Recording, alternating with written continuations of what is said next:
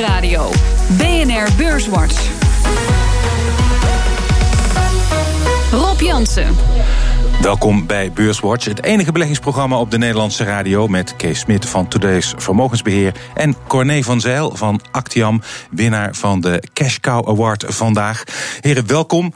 We gaan het hebben over de olieprijs. Eh, die heeft de afgelopen maanden een flink herstel laten zien. Oliemaatschappijen lieten hetzelfde beeld zien op de beurs. Hun koersen volgden de olieprijs de afgelopen eh, maand, ongeveer ja, iets langer dan een maand. Toen kwam het grootste staatsfonds ter wereld, dat van Noorwegen. Dat is gevuld met olie inkomsten met een opmerkelijke mededeling. Ze stappen helemaal uit de olie- en gassector. Corné, wat maak jij van die beslissing? Vond opmerkelijk. Het is zeker een opmerkelijke beslissing. Ze hebben 2,3% van Shell in handen. Dat is toch wel een serieus bedrag. Ja. Uh, dan praat je over 5 miljard uh, euro, dus dat is echt geld. Uh, en ik vind het een verstandige beslissing. Ik kan me voorstellen dat ze Shell een mooi bedrijf vinden. Maar aan de ene kant, als je je inkomsten uit een bepaalde sector haalt. en tegelijkertijd je belegging er ook in hebt. als het dan een keer fout gaat met de olieprijs. dan moet je aan twee kanten geraakt. Dus uit risico-oogpunt is dit een uitermate verstandige beslissing. Alleen dat is natuurlijk de afgelopen 20 jaar al zo geweest. Dus daar hadden ze van tevoren ook over na kunnen denken. Ja, hoe zie jij die beslissing, uh, Kees? Nou, ik zit een beetje meer ook in het licht van de, van de groene, groene belegging. Die ze, die, dat willen ze ook iets meer die kant op. maar het is natuurlijk enorm groot fund. Uh, duizend miljard zit erin uiteindelijk. Ja. En, uh, in dollars, ja. In dollars is ja. dat uh, dus echt, ja, wat dat betreft, een, een groot, grote partij. En ja, zoiets is een belangrijk signaal. en ik vind het eigenlijk een beetje raar. ik vind het bijna raar te zeggen dat je natuurlijk je, daarmee ook je eigen sector niet meer steunt. Hmm. dus je gaat ook uit je eigen beleggingen stappen daarmee. Ja. Dus in die zin, ja, niet helemaal een logisch iets. Ja. Maar het argument dat ze aanvoeren is volgens mij inderdaad meer het we worden aan twee kanten geraakt als de olieprijs daalt. Namelijk ja. de, de, de inkomstenflow en onze beleggingen worden voor ja. een deel uh, geraakt. Ja, puur vanuit risico-oogpunten ben ik het natuurlijk helemaal met Corné eens. Maar ja, andersom is niet, niet altijd even logisch. En um, dat, zij zitten dus in een specifieke situatie. een particuliere belegger die heeft niet een oliefonds dat gevuld wordt. Betekent dat dat het voor beleggers nog prima, een prima sector is om in te blijven zitten? Nou ja, kijk, uiteindelijk die, die olieprijs is best wel hard opgelopen weer. Uh, ik had zelf niet voor, ben ik eerlijk in niet verwacht dat die zo hard zou oplopen. We hebben natuurlijk te maken met uh, schaliegas, uh, of schalie, schalieoliewinning. En ja, dat is gewoon een, een ding wat, wat boven de markt hangt. Dus ik denk dat de, de olieprijzen niet, dat er gewoon een bepaalde cap op zit. En vandaar het dan weer kunnen dalen. En dus in, ik ben wat dat betreft wat sceptisch over de oliesector.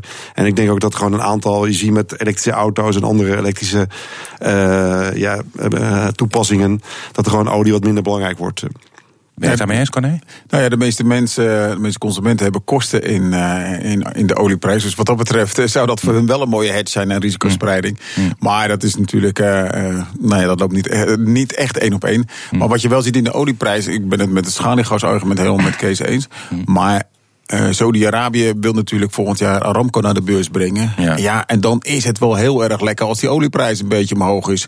Dus mm. zij gaan in de komende OPEC-besprekingen gaan ze waarschijnlijk flink op de rem trappen. Mm. En dat kost op korte termijn wel geld, maar dat gaan ze dubbelend dwars terugverdienen met een hogere opbrengst voor de Aramco-aandelen. Dus ik denk dat uh, voor de komende half jaar je niet zo bang hoeft te zijn aan de productiekant voor de olieprijs. Mm. En aan de, aan de verkoopkant is het natuurlijk heel simpel. Het gaat uh, een stuk beter met de wereldeconomie. En dat betekent dus meer vraag naar olie. Hmm. Uh, dat betekent misschien wel dat uh, die uh, aandelen die dat Noorse staatsfonds gaat verkopen, dat dat op misschien nog wel een buitenkantje is. Of in ieder geval interessant is voor, voor particuliere beleggers om daar hun mandje onder te houden. Ja, voor de komende half jaar. Maar je weet ook, gelijk als die Aramco-aandelen geplaatst zijn, dan mm. is natuurlijk gelijk alle argumentatie voor Saudi-Arabië weg om die ja. olieprijs omhoog te houden. En ja. misschien wel dan een ultiem ja. moment om juist te gaan verkopen. En ik vraag me af of het zo lang volhouden uiteindelijk. Dus dat ze dat een paar maanden van tevoren kunnen opzetten, begrijp ik. Maar dat het nu al omhoog gehouden kunnen, kan worden, dat denk ik dat best een moeilijk dingetje wordt. Hmm. Um, Zoals jullie wellicht weten, beheer ik ook een portefeuille uh, voor de rubriek Jansen Belegd. Ja, Elke maandagmiddag om kwart over vijf uh, krijgen de luisteraars daarover een update. Nu is de beurs al een dikke twee weken ja, gestaag aan het dalen. Niet ernstig, maar gestaag. En ik verwachtte ook een flinke tik in mijn beleggingen. Maar wat schetst mijn verbazing? Ik heb het natuurlijk gespreid op advies Goed van zo. mensen zoals jullie. Ja. het valt heel erg mee, omdat van het deel wat belegd is, is ongeveer een derde belegd in een vastgoedtrekker. Maar het aandeel daarvan is inmiddels meer, want die tracker is gestegen. Het uh, ja, vastgoed doet het heel erg goed. Um, Corné, wat is, uh, wat is de reden daarvoor dat die zo goed blijft liggen? Nou, wat je de afgelopen uh, of gesteken is zelfs. maanden gezien hebt, is dat die, die, die, tracker is wat achtergebleven bij de. Bus is omhoog gegaan. En die tracker heeft het juist heel relatief slecht gedaan. Met name vanwege de renteangsten. En het is ultra gevoelig voor uh, rentebewegingen. En toen de ECB met zijn actie kwam dat ze dus een, de QE voor de komende jaar gaan verlagen van 60 miljard per maand naar 30 miljard per maand, dacht iedereen, nou dan zal die rente wel gaan stijgen. En dan moet je dus geen vastgoedaandelen hebben. En wie schetst iedereen's verbazing? De rente ging niet omhoog, maar de rente ging naar beneden. Het staat nu bijna op het jaarsdieptepunt. En dat zorgt ervoor dat mensen denken: oh ja, maar als dat de reden is waarom we al die vastgoedaandelen hebben verkocht, ja, dan vervalt die reden en gaan ze weer kopen. En je ziet dus nu dat die renteangst helemaal uit die koersen verdwijnt en, uh, en onroerend goed aandelen het heel erg goed doen. Sterker nog, er zitten, ik weet niet, ik ken die tracker toevallig, er zitten vrij veel Duitse woningfondsen in, die staan bijna op een all-time high. Dat zou je hmm. niet zeggen. Hmm. Ja, dat is ook meteen het risico. Dus wat dat betreft zou ik bijna zeggen, pak je winst. Maar uh, ik ben zelf wat minder enthousiast over, de, over deze sector. Hmm. Uh, althans, nu, zeker op de, deze niveaus niet. Uh. Rente is inderdaad echt de belangrijkste reden waarom mensen erin zitten. Het is een beetje de search naar yield. Uiteindelijk hebben deze dingen over het algemeen hoge yields. Maar het is ook illiquide en ze zitten in illiquide beleggingen. Nee. De, de, trekker is, de trekker is liquide, zeg je, maar dat uiteindelijk de beleggingen erachter zijn uiteindelijk illiquide. Ik bedoel, dus per definitie. Vonovia. Is, ik Clipier, ik vind het redelijk liquide aandelen. Daar kan je wel even een paar miljard per dag eh, doorheen stouwen. Nou, oké. Dat is uh, uiteindelijk uh, vastgoed in het algemeen is gewoon een uh, liquide sector natuurlijk. Vastgoed is liquide, inderdaad. Of illiquide inderdaad. Je raakt niet zomaar een winkelcentrum kwijt. precies. En dat hebben we natuurlijk ook gezien met, met Wereldhaven. Dat er ook bepaalde delen willen ze kwijt. En dat heeft ook langer geduurd dan we met z'n allen dachten. Ja. dus uiteindelijk, nu is, zijn dingen liquide. Maar het betekent niet dat, dat, dat morgen ook weer zo is uiteindelijk. En dat is, dat is natuurlijk het leuke van vastgoed nu. Dat mm. iedereen het wil hebben, maar op lange termijn is maar de vraag of dat die vraag blijft. En dat is het mooiste geval is natuurlijk de panden in Amsterdam.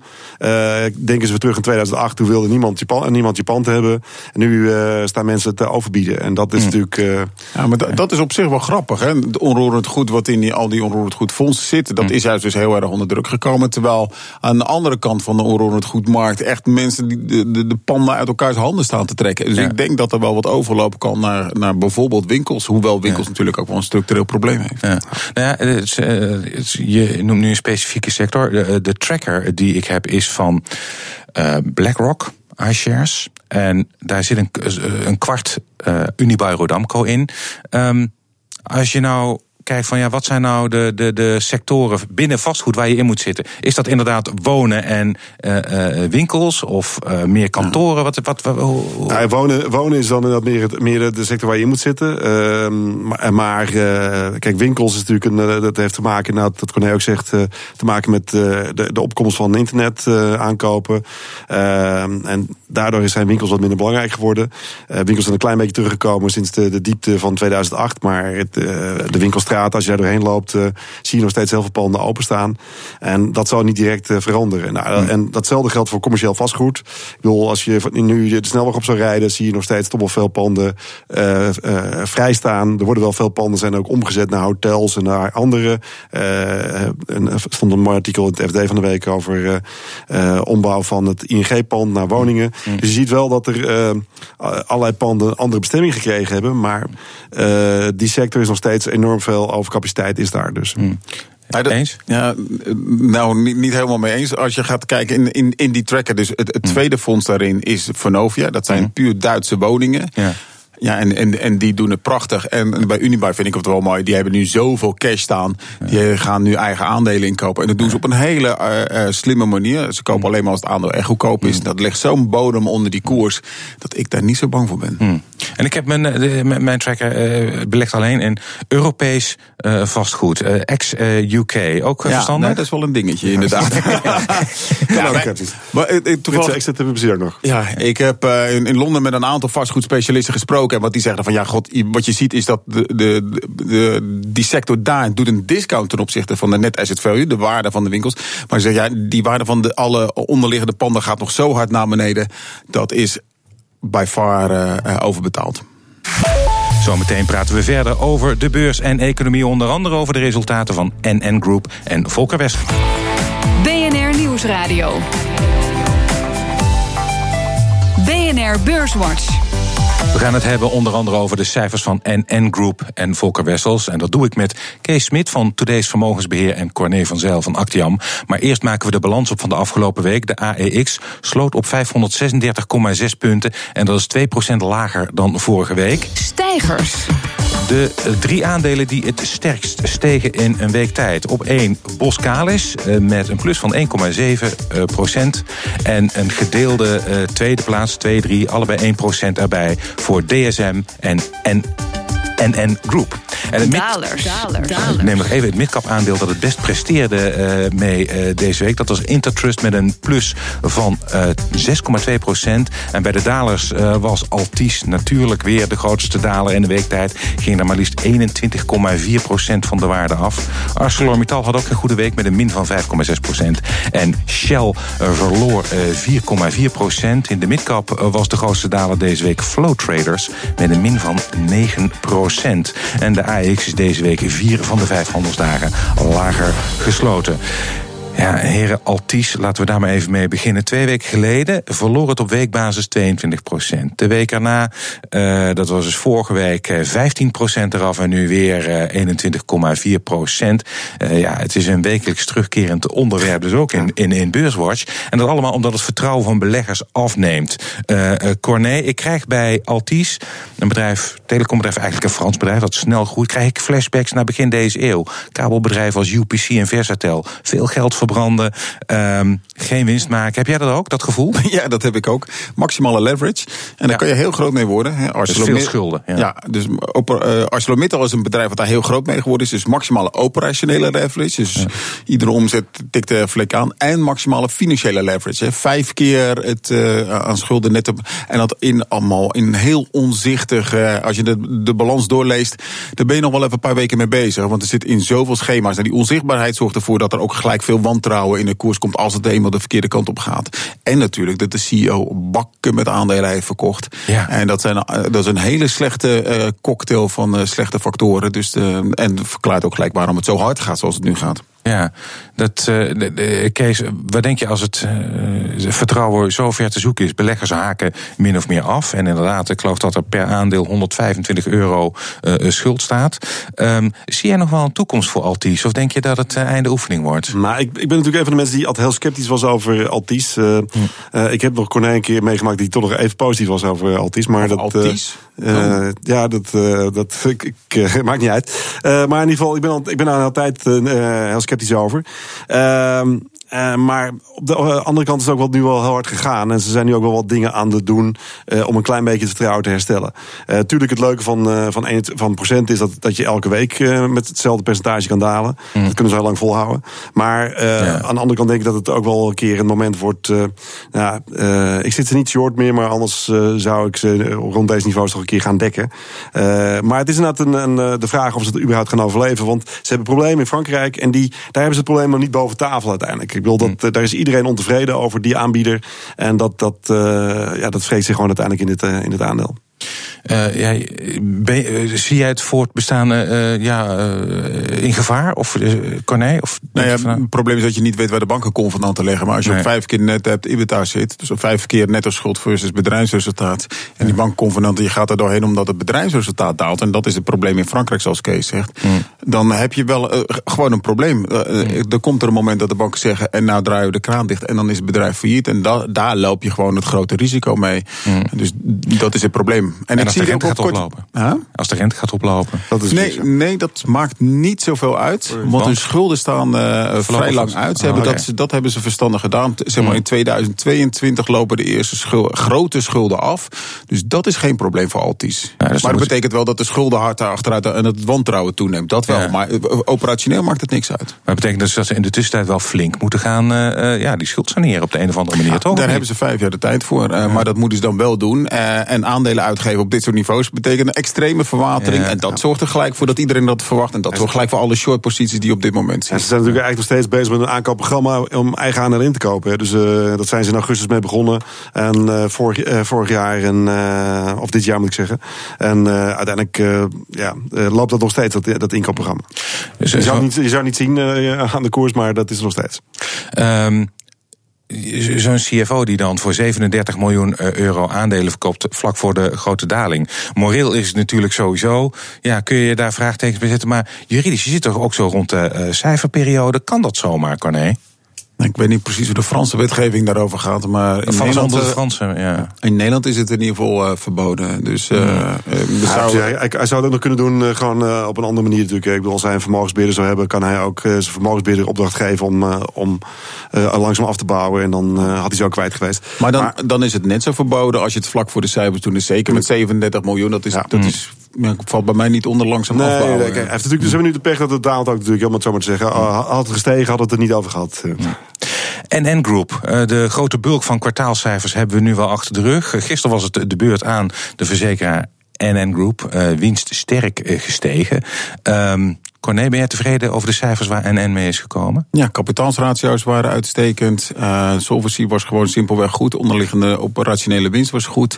Uh, en langzaam zullen ze wat gaan profiteren van uh, het feit dat de rente niet verder meer daalt. En dat is denk ik ook erg positief. Ik maak me nog wel een. Ik heb een tijdje geleden met ze gesproken. En waar ik me wel een beetje voor zorgen maak, is dat ze eigenlijk zeggen: nou, die nieuwe regelgeving, daar maken wij ons niet zoveel zorgen over. Hè, in MIFID 2. En, en ik ik denk, nou, dat zijn toch wel een aantal aspecten die je even moet je rekening mee moet nemen. Met name aan de vermogensbeheerderskant. Mm. Maar ja, vermogensbeheer is maar een klein onderdeel binnen NN. Mm. Nee, waren mooie cijfers. Ik bedoel, je ziet dat Delta nu ook zijn effecten heeft mm. erin. En dus wat dat betreft prima. Ja, er zat wel ook nog een flinke meevaller in van eenmalig. Vanwege verkoop van staatsobligaties zag ik nog okay, voorbij komen. Uh, maar goed, uh, NN is uh, misschien wel het goudhaantje onder de Nederlandse verzekeraars. Mogen we dat zeggen? Bij mij betreft wel. Ja, maar ze valt daar, komt daar vlak achter. Uh, ja, ja. Het ligt er aan. Kijk, het zijn allebei verzekeraars die naar de beurs gebracht zijn op het ja. moment dat de, de, de verkopende partij er graag van af wil. En dat betekent dus dat het relatief goedkoop naar de beurs gekomen is. Ja. Uh, misschien ook wel een goudhaantje. Weet ik, ik ben benieuwd naar jullie oordeel. Maar uh, de bouwsector heeft het uh, zwaar gehad tijdens de crisis. Ik heb altijd het idee gehad dat Volker Wessels zich daar altijd beter doorheen heeft geslagen dan concurrenten als bijvoorbeeld BAM, Heijmans en zeker Ballas Nedam. Um, ze zijn met cijfers gekomen, ook een winststijging bij Volker Wessels. Um, Kees, wat, wat maak je ervan? De cijfers waren natuurlijk prima. En, uh, maar ik zie het ook wel een beetje dat ze terugkomen uit, gewoon uit, uit een diep dal. Deze hele sector natuurlijk. Dus hmm. het is niet. Uh, uh, of, of ze dit vol weten te houden voor de toekomst is een beetje de vraag. Maar dit was nu prima. Dus, hmm. Maar ik zou er zelf nu niet instappen op deze niveaus meer. Nou, wat ik wel mooi vind is als je binnen de sector kijkt. Je, hebt natuurlijk, je noemde al Ballast, uh, Heijmans en BAM. Ja, ja. En dat zijn alle drie gewoon simpelweg drama's. Ja. En, en, BAM afgelopen ook weer. Ik zou me kapot schamen als ik het management daar was. En daar hoor je ze eigenlijk helemaal niet over. En Volker Wessels, als we het over goud, goudhaantjes hebben. Die is, al de crisis is die eigenlijk heel netjes doorgekomen. En nu ook weer. Die hebben helemaal geen grote projectverliezen geleden. En met name omdat ze zich richten op relatief kleine projecten. En dat doen ze goed. En dat is een hele steady progress wat ze maken. En dat zie je nu ook weer. Plus 10% netto winst. En plus 11% de orderboekvergroting. En ja, dat is simpelweg hele prachtige cijfers. En daarom is hun waardering ook zoveel anders dan die andere bouwers. Maar ja, dan krijgen bij die andere bouwers ook een hoop bakkelende voor terug. Ja. Um...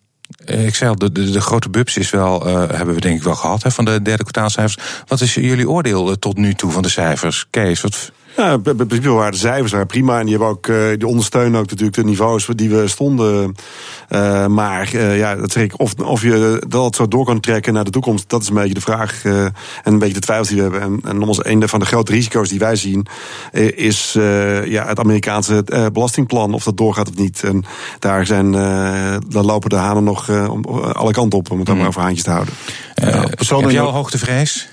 Nou, aan de winstkant niet. Wat je ziet is dat 10% meer meevallen zoals de tegenvallers was. En dat is een, een relatief hoog percentage. Dat ziet er goed uit. Mm. Het operationele cijfer was op zich netjes. Uh, maar is mij wat tegengevallen. En de logische verklaring daarachter is omdat we in het derde kwartaal natuurlijk de dollarwind flink tegenhadden. En dat hadden we in het eerste half jaar daar niet. Nou, vanaf dit niveau zal dat weer een beetje normaliseren. De olieprijzen zal een flinke plus zijn. Want dat tikt vrij hard aan op, op, gewoon op indexniveau. Ja. Dus per saldo denk ik dat je van hier plus de economische groei die nu aantrekt, denk ik toch weer wat, wat sterker stijgende uh, winstcijfers krijgt dan dat we in het derde kwartaal gezien hebben. Dus dat, dat ziet er wel goed uit. Maar ja, we praten ook al over 15 keer de verwachte winst voor, uh, voor Europa. Dus, ja.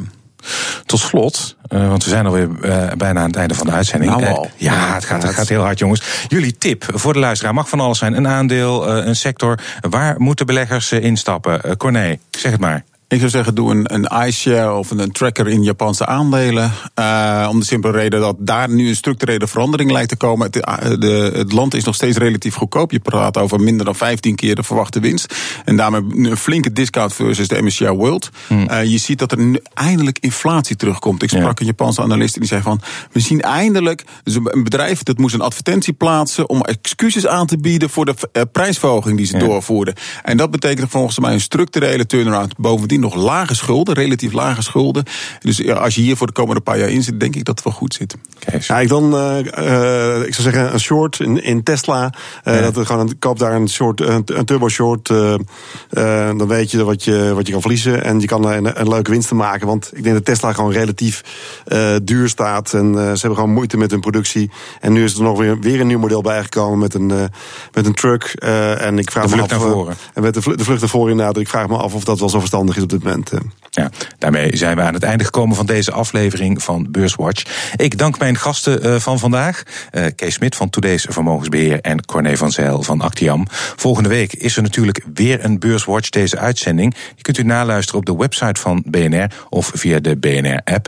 En heeft u nog vragen, dan kunt u die mailen naar beurswatch.bnr.nl of een tweet sturen naar Rob En dank voor het luisteren.